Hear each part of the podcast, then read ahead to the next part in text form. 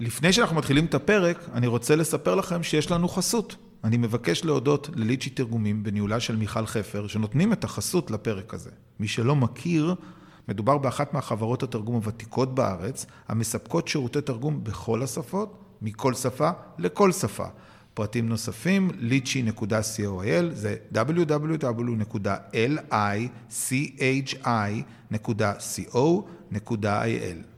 יאללה, מתחילים.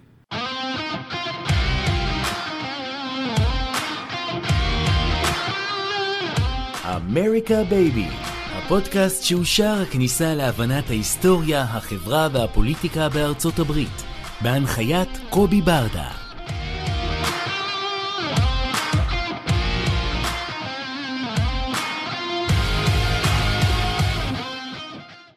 שלום וברוכים הבאים לעוד פרק של אמריקה בייבי. היום אנחנו מארחים את גיל קייפן לפרק השני מתוך שני פרקים. הוא המנהל הכללי של ארגון American Jewish International Relation Institute, ה-AJIRI, שהיום פועלת כחלק מבני ברית International, מתמקדת אה, בנושאים של אה, מוסדות אנטי ישראלים שפעילים בתוך האו"ם, ולשעבר יועץ רפובליקני בכיר בוועדה לענייני חוץ של בית הנבחרים. אהלן גיל, תודה שאתה מצטרף אלינו בפעם השנייה. תודה לך, תודה על ההזמנה, טוב להיות איתך.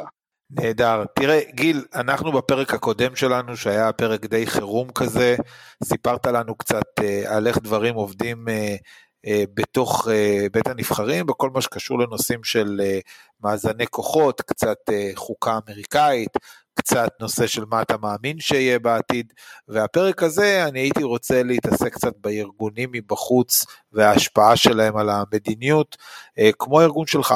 אז בוא נתחיל בכלל בזה שתספר לנו קצת על הארגון שלך, מה הוא עושה, אה, מה השיטות שהוא פועל, איך הוא מנסה אה, לייצר את האימפקט ובאיזה זירות.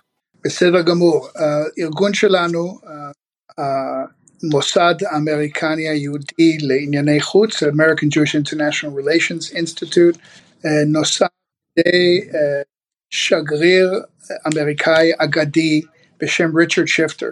ריצ'רד שפטר היה איש מאוד מאוד מעניין, הוא היה ניצול שואה, יליד אוסטריה, יליד 1923. ההורים שלו היו מהגרים מפולין שהגיעו לווינה. ב-1938 הם הצליחו להוציא אותו, ממש כשהנאצים אה, נכנסו לאוסטריה, הצליחו להוציא אותו לארצות הברית, הוא הגיע לארצות הברית, אה, לניו יורק וחי עם קרובים, ההורים שלו לא הצליחו לצאת, היו אזרחים פולנים, הם נספו בשואה. הוא גדל כיתום עם הצל כמובן, הצל הכבד של אה, כל ניצול שואה, ועם העובדה שהוא לא ראה יותר את ההורים שלו ואת המשפחה שלו, הוא גויס לצבא האמריקני, ליחידת מודיעין של הצבא, יחידה מיוחדת שהייתה נקראת The Richie Boys. היום יש על זה המון סיפורים וסרטים וספרים, הרבה זמן לא, לא כל כך ידוע, זה, זה היה סודי.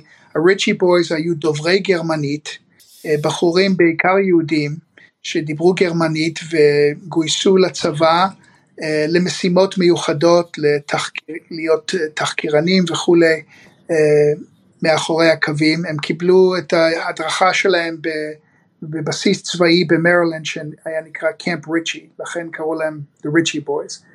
אני חושב שקיסינג'ר בעצמו היה חלק מה-Richie Boys והיו אה, גם אחרים שהיו, שהלכו קדימה ונהיו לתורמים בכל מיני תחומים. מי שב Ritchie Boys, אם הוא עדיין בחיים, אז הוא צריך להיות בן מאה.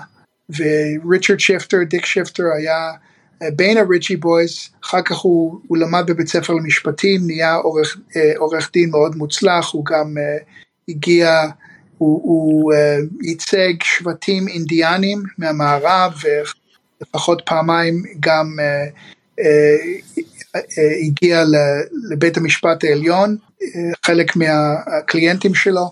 במרוצת השנים הוא היה פעיל במפלגה הדמוקרטית, הוא נהיה יושב ראש המפלגה הדמוקרטית במחוז מונטגומרי, Montgomery County במרילנד, על יד וושינגטון, והייתה לו ידידה מאוד מאוד טובה בשם ג'ין קרקפטריק.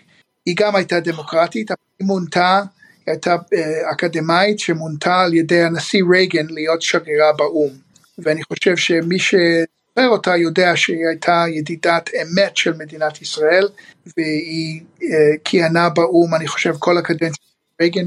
שיפטר הגיע לאו"ם להיות הסגן שלה, ובזמן שהוא היה שם, הוא למד את, את, את, את כל השטויות שקורים באו"ם, כולל את כל הישראליות, זה השפיע עליו, הוא אחר כך נהיה שגריר ארה"ב ועדה לזכויות האדם בג'נבה, אחרי זה הוא היה סגן מזכיר המדינה לענייני זכויות אדם, היה מאוד מקורב לשולץ שהיה uh, מזכיר המדינה, והיה אחראי למשא ומתן עם ברית המועצות. בסוף התקופה של ברית המועצות, כל הנושאים של זכויות אדם, כולל כל הנושאים שקשורים ליהדות ברית המועצות. לכן כל הרפיוזניקס, רנסקי וכל האחרים הכירו אותו טוב, ידעו עליו, ראו את השם שלו במרוצת השנים. אחרי ששיפטר מת לפני שלוש שנים, שרנסקי אה, שלח אה, מכתב תנחומים למשפחה מאוד מאוד יפה. בקיצור, זה היה איש אה, עם הישגים גדולים בדיפלומטיה, שאחרי שהוא עזב את השירות בממשל, הוא הקים את הארגון שלנו במטרה לשפוך אור ולנסות להשפיע על המנגנון האנטי ישראלי באו"ם. מה זאת אומרת? כל שנה אנחנו יודעים יש קבוצה של בערך 15 עד 20 החלטות נגד ישראל באו"ם, אה, ורובם זה הצהרות, גינוי של נגד ישראל בנושא הזה או אחר, רמת הגולן, אה, זכויות אדם כמובן, אבל ישנם אה, מוסדות בתוך האו"ם שהקימו אותם בזמן שהעבירו את ההחלטה שציונות זה גזענות. והעבירו את, והקימו את המוסדות האלו, הוועדה הפלסטינית, הדיוויזיה הפלסטינית, והוועדה המיוחדת לחקור את זכויות האדם בישראל.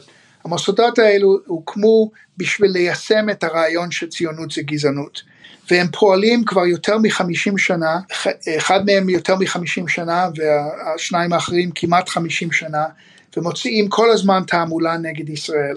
כל שנה, עכשיו כל שנתיים, הם צריכים אה, לעבור הצבעה. למה? כי יש להם תקציב. בינתיים, כל שנה הם הצליחו אה, לקבל אישור מחדש, עכשיו זה כל שנתיים, ולזה בעצם אנחנו נרתמים, אנחנו מתמקדים על המוסדות האלו, אנחנו מנסים להסביר לדיפלומטים, לציבור, לחברי קונגרס, מה נעשה בשם קהילה בינלאומית בתוך האו"ם עם תקציבים שמוציאים כל הזמן אה, תעמולה נגד ישראל ובין היתר למשל היה יום הנכבה באו"ם שאולי שמעת היה בשנה שעברה. זה היה אחד מהפעילויות של אה, אחד מהארגונים האלה ואנחנו עובדים כבר כמה שנים בין היתר עם חברי קונגרס ואנחנו מבקשים מחברי קונגרס ידידותיים, גם רפובליקנים, גם דמוקרטים, לכתוב מכתבים לראשי מדינות על הנושא הזה, ולבקש מהם לא להצביע בעד המוסדות האלו שהן נוגדות את האינטרס הלאומי של ארה"ב ונוגדות את המדיניות של ארה"ב, וזה כמובן, זה עבודה קשה, הרבה מדינות מסיבות שונות, אה, ואפשר לדבר גם על זה, ממשיכים להצביע בעד המוסדות האלו, כולל מדינות ידידותיים באפריקה, באמריקה הלטינית, אה, ואנחנו מנסים אה, להוריד את, ה, את המספרים של המדינות שמצביעים בעד, ובינתיים בעשר השנים האחרונות אנחנו ירדנו מיותר ממאה בעד כל המוסדות האלו, לעכשיו זה הגיע לפחות מ-90, במקרה אחד 80, אה, וזה זה משמעותי כי זה חצי מהמדינות ששייכות לאו"ם. אז זה בקיצור מה שהפעילות שלנו מתרכזת בנושא הזה. אני מבין ממך בעצם שהפעילות של הארגון שלכם, של ה-AJIRI, כן, במוסדות בינלאומיים, אז למה אתם יושבים בוושינגטון? למה לא בניו יורק? אה, שאלה טובה. אנחנו מאמינים, וזה מבוסס על ניסיון ועל תפיסה של השגריר המנוח דיק שיפטר, שגרירים בניו יורק הם חלק מהבעיה. זה לא מסביר לגמרי את הבעיה, אבל חלק מהבעיה זה שהשגרירים שנמצאים בניו יורק, הם נמצאים בעולם משלו, עם אינטרסים משלו, ואלה שנמצאים בניו יורק, לפעמים הם נמצאים שם המון שנים, ויש להם אינטרסים אישיים, אני לא רוצה להגיד שמקבלים שוחד, אבל גם היו דברים מעולם, אבל אה, זה לא צריך להיות עניין של כסף או שוחד, יש להם אינטרסים ללכת עם הסחף, ללכת עם הקבוצה שלהם. רגע גיל, אני רוצה להבין, אתה חושב ששגריר יכול לקבל החלטה במקום המדינה שלו? זאת אומרת, זה משהו שהוא עושה מבלי שהוא מסונכרן עם המדינה? אה, אה, אני מנסה לראות אם הבנתי נכון. ייתכן מאוד, יש מקרים כאלה, בלי ספק. באמת? השגרירים האלו נמצאים כבר, הרבה מהם נמצאים באו"ם הרבה, למדו את המשחק, הם יודעים איך זה הולך, ויש להם לפעמים סיבות משלהם לא ללכת נגד הקו. זה התחיל בשנים ש... של המלחמה הקרה, והקו אז היה הקו הסובייטי. זה היה ברית בין הגוש, ברית ורשה והמדינות ש... שהיו קרובות לברית המועצות, קבוצה אסלאמית. והם אה, בעצם אה, קשרו קשר ביניהם, היה בעצם מי שהוביל את זה אה, היה קסטרו, פידל קסטרו, mm-hmm. ובצד של המדינות המוסלמיות קדאפי, והם בעצם השתלטו על האו"ם, וככה הם בנו רוב מוחץ, רוב קבוע ורוב בטוח. ומה שמגוחך שזה שעדיין נמשך כל השנים האלה.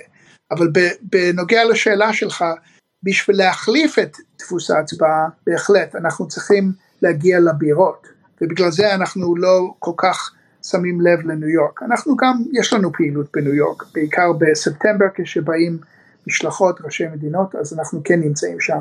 אבל הפתרון לדפוס ההצבעה זה לא בניו יורק, זה בבירות של אותן מדינות, בגלל שהם צריכים לקבל הוראות בשביל להחליף את דפוס ההצבעה. לא אלה שנמצאים בניו יורק, הם לא אולי קבעו את זה מלכתחילה, אבל הם ממשיכים את זה. ואנחנו מאמינים שיותר רלוונטי להיות, לתקשר עם שגרירים בוושינגטון. למה? בדרך כלל השגרירים בוושינגטון, קודם כל יש להם קשר ישיר לראשי הממשלה, לנשיאים, מדינות שלהם. הם לא סתם הגיעו לוושינגטון. אנשים, לפעמים הם אפילו ראשי מדינות לשעבר, של המדינות הקטנות, או, או שרי חוץ לשעבר, יש הרבה כאלה. אז יש להם אה, עמדה חשובה בממשלות שלהם. שנית, מאחר שהם נמצאים בוושינגטון, יש להם רגישות והבנה לחשיבות של יחסים טובים עם ארצות הברית. אז אה, הם יהיו, יש, תהיה להם אוזן קשבת, אני אומר, לחבר קונגרס למשל, שכותב מכתב לראש המדינה, אנחנו מעבירים את זה דרך השגרירים, ואנחנו מקווים, ואנחנו רואים שבלא מעט מקרים, זה באמת קרה, שהשגריר מעביר את זה עם המלצה, תיקחו את זה ברצינות. כמובן, זה לא תמיד עובד, אבל אנחנו ממשיכים אה, לפעול בערוץ הזה, ואנחנו מאמינים שזה הערוץ הנכון. תאר לי איך נראית, נראית בעצם אה, פעילות, נגדיר את זה שתדלתנות. מה המרחק או מה הדרך שאתה עושה מנגיד לאתר את הקהילה הרלוונטית של אותו חבר קונגרס, דרך לפגוש אותו, דרך לשלוח לו מכתבים, דרך זה שהוא... איך, איך עובד אה, פעולה כזאת של, אה, נגדיר את זה, מארג הפעלת מחוקקים אמריקאים על יחסים בינלאומיים, שלכאורה זה לא אמור לקרות, זאת אומרת, אלא אם אתה חבר בוועדת אה, החוץ וביטחון או משהו כזה, מחוקק אמריקאי אמור לדאוג מן הסתם לנושאים שמעניינים אותו, אם הוא בית הנבחרים הזה במחוז שלו, אם הוא סנטור זה במדינה שלו, מה יכול לגרום לאותם אה, פוליטיקאים לפעול למשל בנושא כזה, זאת אומרת להגיד אתם פועלים לא הוגן בצורה של ישראל. כן, שאלה מצוינת, אנחנו מגיעים לחברי קונגרס שהם כמובן מאוד מאוד עסוקים. יש להם, אה, גם במחוז שלהם וגם כשהם מגיעים לוושינגטון יש להם הרבה עבודה והרבה אנשים באים לדבר איתם ולשדל אותם, אז אה, אנחנו בוא נאמר מתחרים עם אה, המון המון נושאים אחרים. יש לנו קצת יתרון בזה שאנחנו באים לדבר על ישראל, אז יש אוזן קשבת אצל חברי קונגרס שאנחנו באים אליהם. אנחנו כבר יודעים שהם פרו-ישראלים, שהם אה, מעוניינים לתמוך בישראל.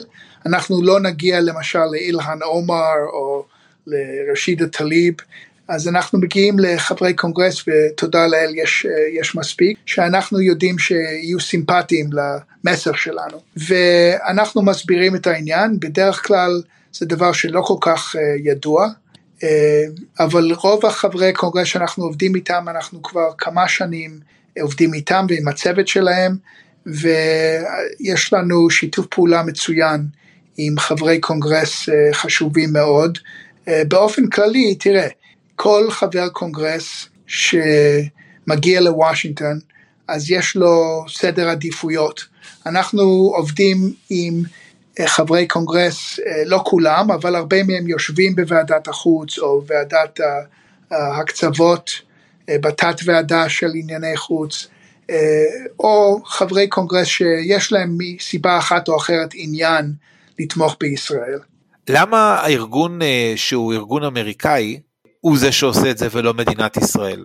לא הייתי אומר שמדינת ישראל לא עושה את זה, אנחנו נרתמים למאמץ ואנחנו עובדים, אנחנו גם, אנחנו לא עובדים של השגרירות, אבל אנחנו מקיימים איתם מגעים, אנחנו לא רוצים להגיד דברים או, או לעשות מהלכים שלא תואמים את האינטרסים של ישראל, אז אנחנו בהחלט בקשר גם עם השגרירות באו"ם וגם עם השגרירות בוושינגטון, גם עם מחלקת המדינה דרך אגב, שיש לנו גישה מאוד טובה ויחסים מאוד טובים, אפילו עם השגרירה בעצמה, לינדה תומאס גרינפילד. בדרך אגב, חשוב להגיד, הנושא הזה, אין הבדל אם יש אדמיניסטרציה רפובליקנית או דמוקרטית. לאורך השנים, כל ממשל, בין אם הם היו דמוקרטים, בין אם הם היו רפובליקנים, בנושא הזה של ההצבעות באו"ם, ויותר ספציפי, הממסד האנטי ישראלי בתוך האו"ם, ההצבעות שאנחנו מתמקדים עליהן, חד משמעי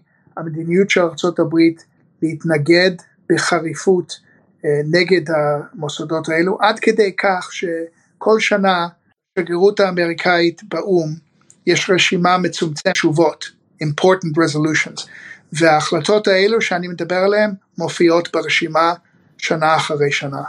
תגיד, יש דרך לפנות למדינות מערביות מול מדינות מאפריקה, מול מדינות של נסיכויות קטנטנות, מדינות ענקיות, או שהכל זה אותו textbook? אני רוצה רק להוסיף בקשר לנושא הקודם, אנחנו עובדים גם בשיתוף פעולה עם ארגונים אחרים, אנחנו בקשר עם אייפאק, אנחנו בקשר עם American Jewish Committee, אה, אנחנו עכשיו חלק מבני ברית, כמו שאמרת, אנחנו עכשיו אה, מה שנקרא affiliate, אנחנו חלק מבני ברית, למרות שאנחנו עדיין עצמאים, וחשוב מאוד, אנחנו עובדים מאוד מאוד טוב עם ארגונים נוצרים פרו-ישראלים, גם עם השגרירות הנוצרית בישראל, בירושלים, גם עם מה שנקרא Israel Allies Caucus, כן? Uh, פחות, כי ההתמקדות שלהם זה יותר בתוך ארצות הברית, uh,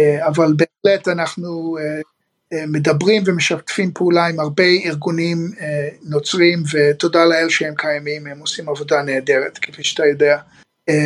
עכשיו, לחזור לשאלה שלך, בעיה גדולה במרוצת השנים האירופאים, למה? כי הם החליטו בשלב מוקדם שהם פשוט נמנעים על ההחלטות האלה, והם לא זזו הרבה שנים מהעמדה הזאת. הם החליטו, הם חשבו, או הם אמרו, שהם רוצים לא להיראות שהם נגד הפלסטינאים. זה היה מין המשך של הרגשת, הרגשות האשמה אחרי קולוניאליזם. אז הם החליטו שהם פשוט יימנעו.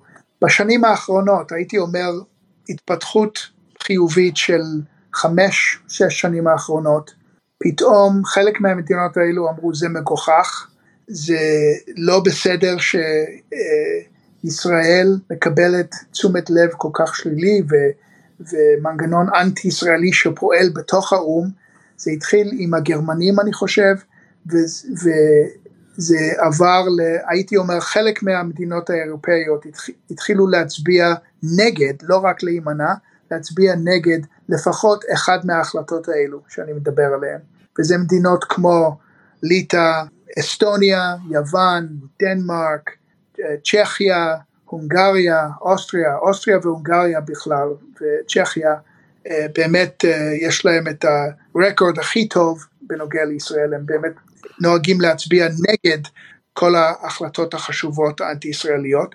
אז אנחנו ממשיכים לעבוד על האירופאים שממשיכים להימנע, ואנחנו רוצים לשדל גם את האירופאים שלא הגיעו להצביע נגד כל ההחלטות החשובות, אנחנו עובדים גם עליהם, אבל זו התפתחות מאוד חשובה, ואנחנו רואים השלכות באזורים אחרים. כפי שאתה יכול לתאר זה קשה מאוד.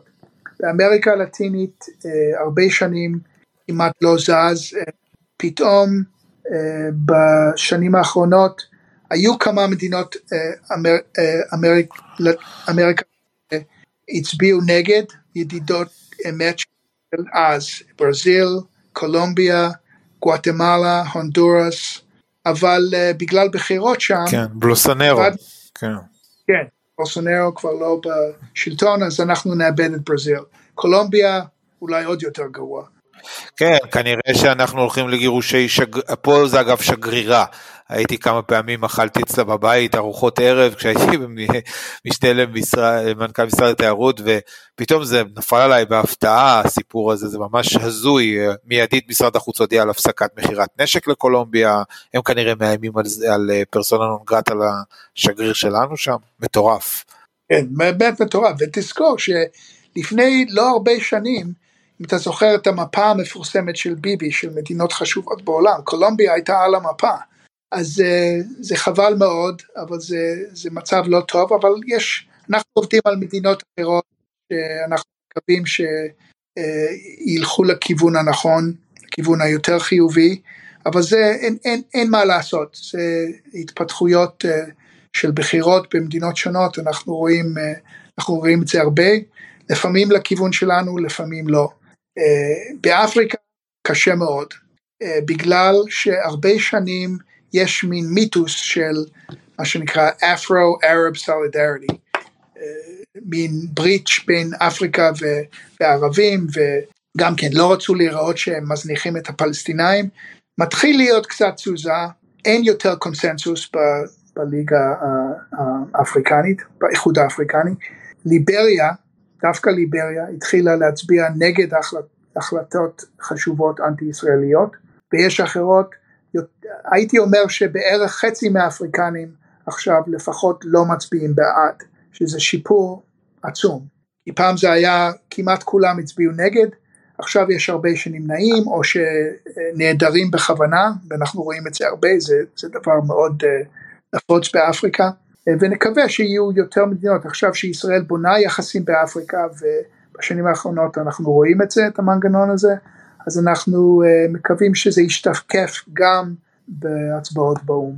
אוקיי, okay, זה נשמע, אתה יודע, יחסית מבטיח. Uh, אני, אני סקרן לדעת, זה איזשהו חלק כזה בפאזל, uh, יש איזשהו משהו שנגיד חבר קונגרס או סנטור יכול נגיד להבטיח או לקדם, שבאמת לפי הבנתך מייצר את ה... האימפקט הזה שמצליח לשנות עמדה של מנהיגות במדינה כזו או אחרת? תראה, קודם כל, שחבר קונגרס פונה לשגריר אפריקני או לשגריר מהאיים הקריביים למשל, או מהאיים הקטנים באוקיינוס השקט, הם שמים לב, זה חלק מהעבודה שלהם, ובניגוד לשגרירים באו"ם, זה עוד עניין מאוד חשוב. הם יודעים שהם צריכים לשים לב לקונגרס, כי הם מכירים את השיטה האמריקאית, והם יודעים שהקונגרס זה זירה מאוד חשובה בשבילם, בעיקר אם הם מקבלים סיוע הברית. אנחנו לא בקטע של איומים, או אנחנו לא מבקשים מאף אחד שיגיד, אנחנו נקצץ לכם את ה... את הסיוע אם לא תצביעו כך וכך, אנחנו לא עושים את זה, למרות שהיו דיבורים כאלה בעבר, אני לא רוצה להגיד מי, אבל היו דיבורים אפילו ברמה מאוד גבוהה, אבל זה לא יקרה, זה פשוט, זה לא קורה ככה. אה, אנחנו יותר בקטע החיובי, אנחנו רוצים, ו, ו, וזה מעלה, זה מעלה נושא חשוב אני חושב בקשר לפעילות שלנו, למרות שההתמקדות שלנו לכאורה די צרה, אנחנו מדברים על האו"ם, אנחנו מדברים על החלטות מסוימות באו"ם, אנחנו מדברים על הממסדים האלו בתוך האו"ם, אבל אנחנו מאמינים ואנחנו מקווים שתוך כדי המגעים האלה, תוך כדי השיחות האלו אנחנו גם מקדמים בצורה שלנו, בצורה הקטנה שלנו, אנחנו מקדמים יחסים טובים גם בשביל ארה"ב וגם בשביל ישראל, ואנחנו בהחלט מאמינים שאם זה טוב לישראל זה טוב לארה"ב והיינו הך, אז אנחנו חושבים שזה חשוב מאוד להיות במגע עם מדינות הקטנות האלו, מדינות באפריקה, מדינות באיים הקריביים, והם אני חושב מאוד מעריכים את זה, כי לא כל כך שמים לב אליהם, תחשוב על זה, יש פה 200 שגרירויות אה, של כל מדינה בעולם שיש להם שגרירות בוושינגטון, והמדינות הקטנות לא תמיד מקבלים תשומת לב, אז אנחנו חושבים שהתשומת לב שאנחנו נותנים ושאנחנו מעודדים מהידידים שלנו, אם בקונגרס, אם בארגונים אחרים, נותנים למדינות הקטנות, זה משפיע. אני אתן לך דוגמה קטנה, גואטמלה, גואטמלה זה טעות שלי שלא הזכרתי את גואטמלה, גואטמלה זה ידידי, ידידי אמת של ישראל, ובאמריקה הלטינית הם היו הראשונים והם עקבים כבר יותר מעשר שנה, הם מצביעים נגד החלטות אנטי ישראליות, ולא רק שמצביעים, הם מדברים בעד ישראל ופועלים בעד ישראל, והעם הגואטמלה, גואטמלה מאוד מאוד פרו-ישראלי, יש, יש משהו כמו 40 רחובות בגואטמלה שקוראים להם ירושלים או ישראל או, וואו, או אל שדי. מדהים. כן, כן, הם ממש ציונים. היו שם בחירות, נקווה שיהיה בסדר, לא יכול להיות יותר טוב ממה שיש עכשיו או, או מהממשל הקודם, אבל אנחנו עשינו אירוע לכבוד השגריר של גואטמלה, אירוע במשרדים של בני ברית, וממש היו לו דמעות בעיניים, והוא אמר לנו אחר כך, נתנו לו עוד כבוד ונתנו לו אה, אה, לדבר, עשינו לכבודו ארוחה, אה, הוא אמר שזה אחד הרגעים הכי חשובים, הכי מרגשים בכל הזמן שהוא נמצא בוושינגטון.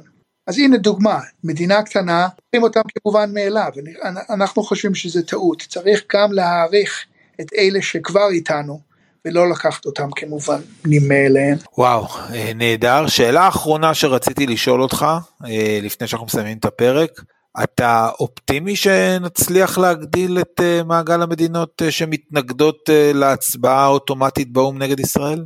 כן, אני חייב להיות אופטימי, כי קודם כל אני, אני רואה את התוצאות, ולמרות שזה איטי, וזה לוקח זמן, וזה עבודה קשה, ויש לנו את התופעה שאפילו מדיני, מדינות ידידותיות, מסיבות שונות, ממשיכים להצביע נגד.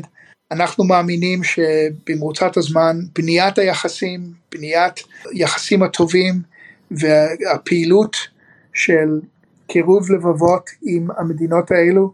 בישראל, אני מוכרח להגיד, היו הרבה שנים, אני חושב שלא נעשה מספיק באפריקה ועדיין אה, יש הרבה עבודה שצריך לעשות וצריך להמשיך את זה, אבל בשנים האחרונות באמת אה, היו מאמצים מאוד מאוד חיוביים, מאוד אה, טובים בשביל ל, אה, לקדם את היחסים האלו ואני מוכרח אה, לציין שמשרד החוץ באמת עושה עבודה נהדרת עם משאבים מוגבלים בכל אפריקה, אתה יודע, יש רק 12 שגרירויות אני חושב, יש 50, כמעט 50 מדינות באפריקה, אבל, אבל שגרירויות שנמצאות שם בתוך הבירות משהו כמו 12 או 13, וזה מסיבות תקציביות, אני מקווה ש, שהמספר הזה יגדל.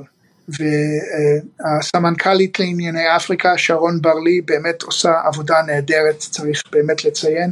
וזה דבר שאנחנו צריכים לעקוב אחריו ולהמשיך לעבוד עליו. וואו גיל היה מרתק.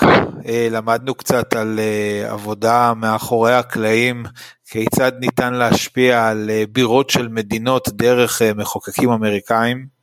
לי באופן אישי הנושא הזה היה ממש ממש מעניין. אני רוצה להודות לך על הזמן שנתת לנו ועל התובנות שלך שהאירו את עינינו, מה שנקרא. תודה קובי, היה טוב להיות איתך ונקווה לימים יותר טובים לכל עם ישראל. תודה רבה שהאזנתם לפרק הזה. אתם יכולים למצוא אותנו בכל האפליקציות של הפודקאסטים, דוגמת ספוטיפיי, אפל, גוגל פודקאסט ועוד. ושוב, המון תודה לליצ'י תרגומים בהנהלת מיכל חפר, בית לשירותי תרגום בכל השפות על חסותם לפרק זה, שניתן למצוא באתר lichy.coil, זה www.lichi.co.il.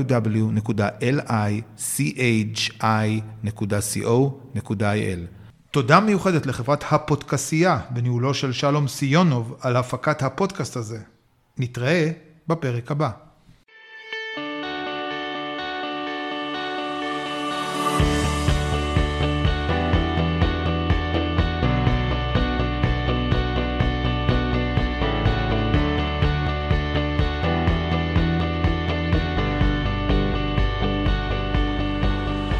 קובי ברדה הוא דוקטורנט להיסטוריה פוליטית אמריקאית באוניברסיטת חיפה.